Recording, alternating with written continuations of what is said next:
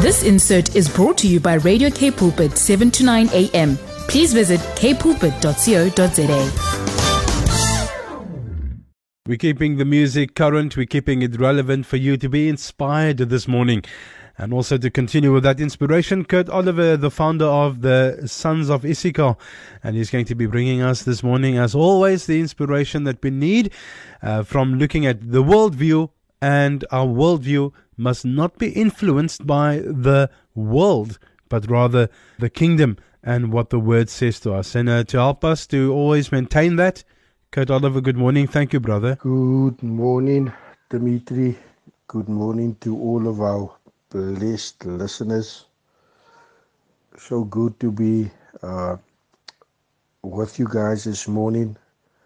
And it's always such a privilege to be um, with you guys in studio and to be able to to share, you know, what, what the Lord has laid upon my heart this week with regards to to worldviews and it's uh, really been a week of of anticipation uh, in an atmosphere and it's it's it's like there's a sense that something is about to break through and and we are witnessing so much breakthrough so much miracles so much healings and God is starting to set his people free. We are seeing many people that has been struggling with addiction being set free this week and we've been seeing people that has been sick for a very long time. We've actually witnessed these healings taking place.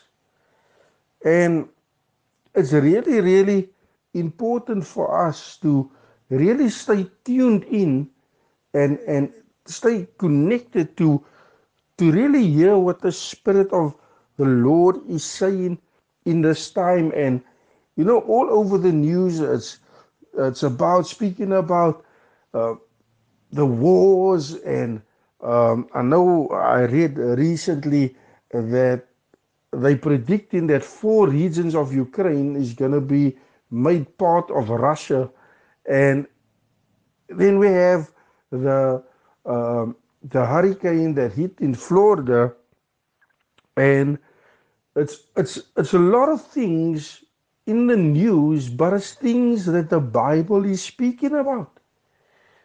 And as we even heard last week, as as Pastor Stan said, that we are moving into the end times, and we are end time church. And and you know, this week and and even even uh, I noticed that that there's a lot of things with regards to climate change all over all over the news as well and it's so important for us to be able to discern the times and the seasons and you know as I was praying and you know um, seeking the face of God with regards to what is happening upon the earth um, you know, the Holy Spirit said to me that everything happening around the world and upon the earth now, it's it's happening, but my people have forgot about my presence. My presence is not important to my people anymore. And this really, really stuck with me to to to it's really something difficult to hear um, and but I believe you know God is calling us back to that place of alignment, or He's aligning us again, and He's redirecting us back unto Him. And we will look at at the meaning of presence. It's the state or fact of existing, occurring, or being present. Now the Bible speaks about it speaks of a divine presence. It speaks of a presence of God.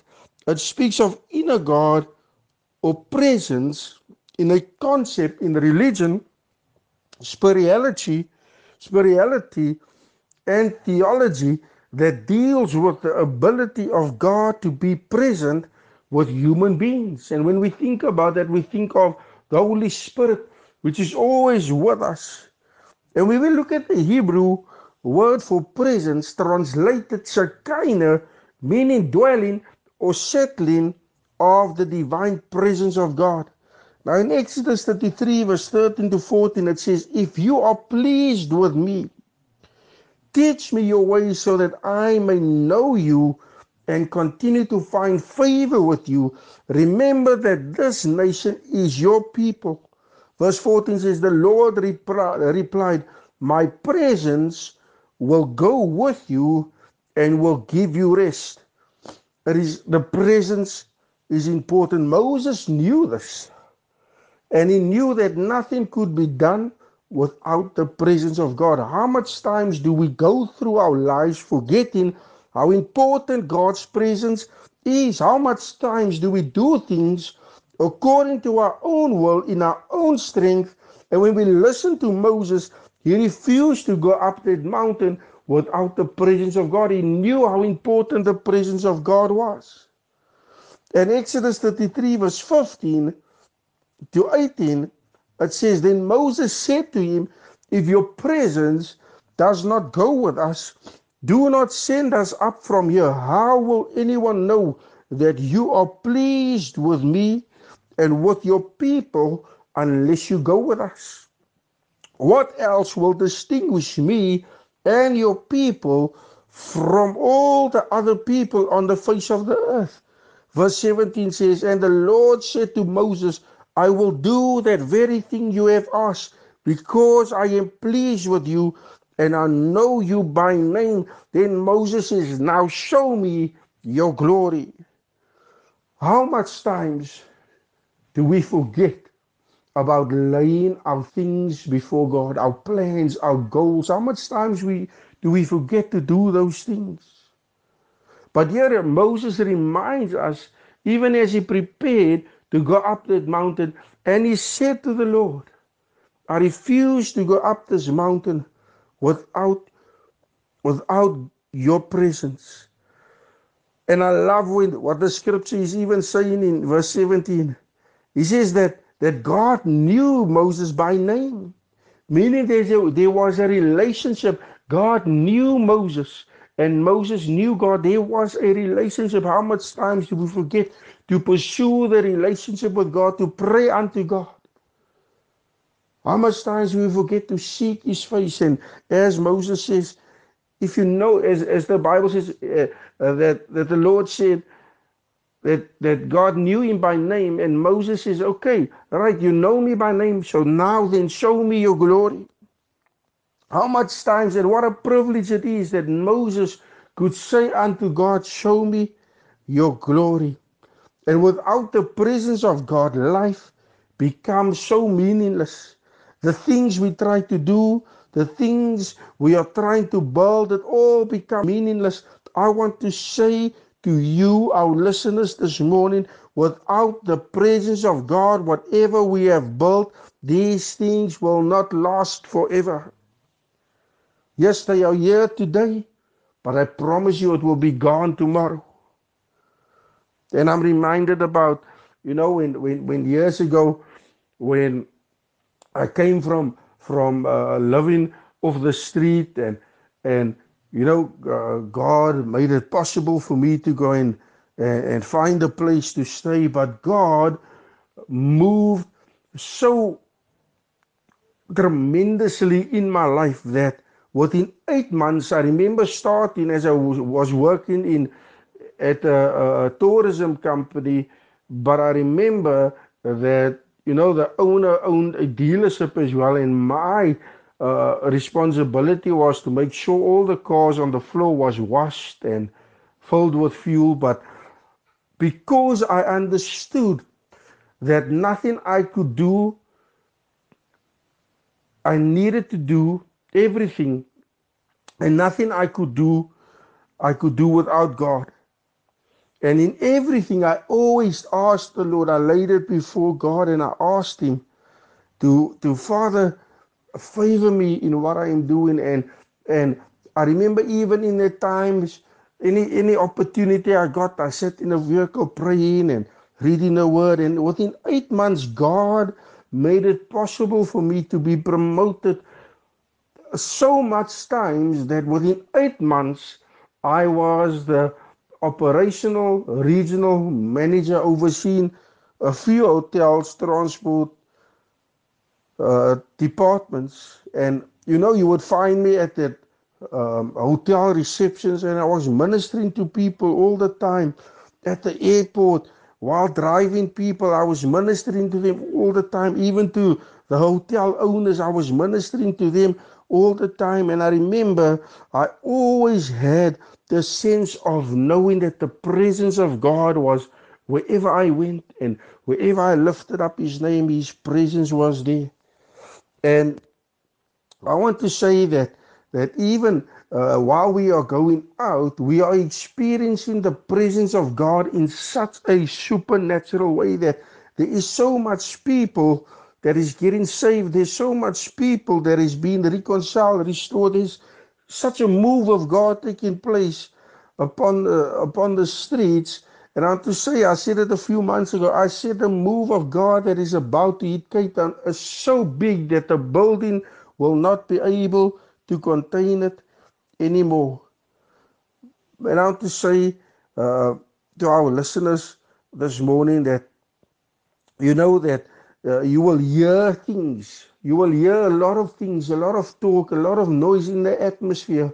But I just sense this is what God is saying that the time of hearing these things has come to an end because the time has come where you will witness these things. You will witness it. The people will get healed in front of you. People will get saved in front of you. People will be delivered in front of you.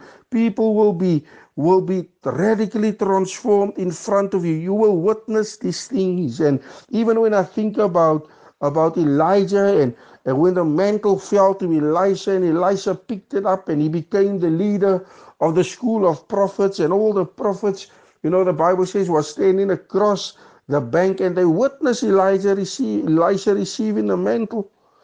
And when he had to cross the Jordan, he struck the waters. And but he also cried out that where is the God of Elijah? And you know what I thought to myself? I thought that yes, Elijah received the mantle. Yes, he, he asked of Elijah for a double portion. He received that thing, but more importantly, he did not just receive those things, but more importantly, he received the God of Elijah. He received the God of Abraham, Isaac, and Jacob, the God of Elijah. When we look at Jacob, he was a schemer. He schemed Esau out of his birthright, but Jacob was not satisfied. He was not satisfied by that birthright. Jacob was searching after that. Jacob was searching for something his whole entire life.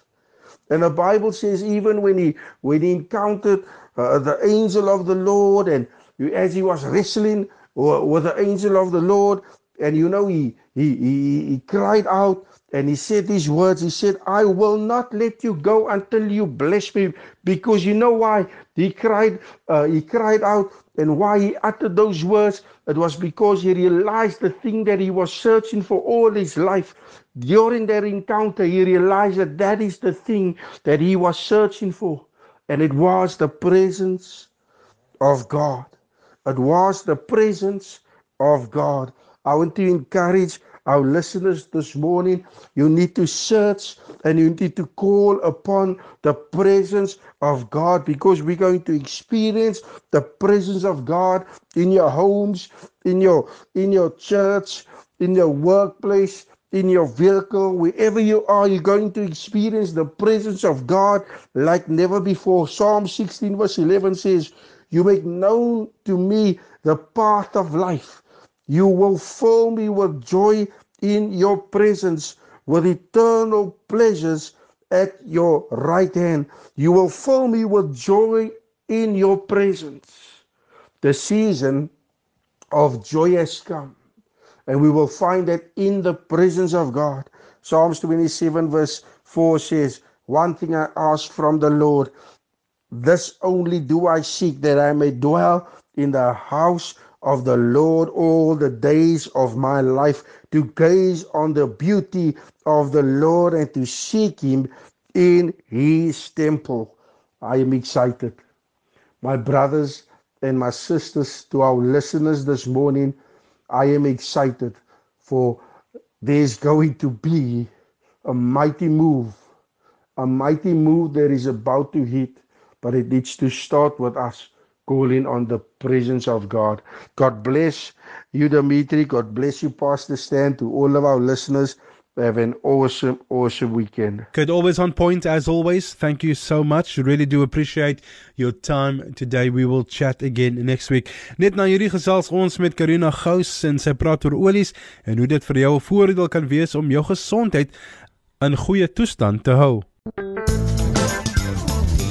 This insert was brought to you by Radio K Pulpit 7 to 9 a.m. Please visit kpulpit.co.za.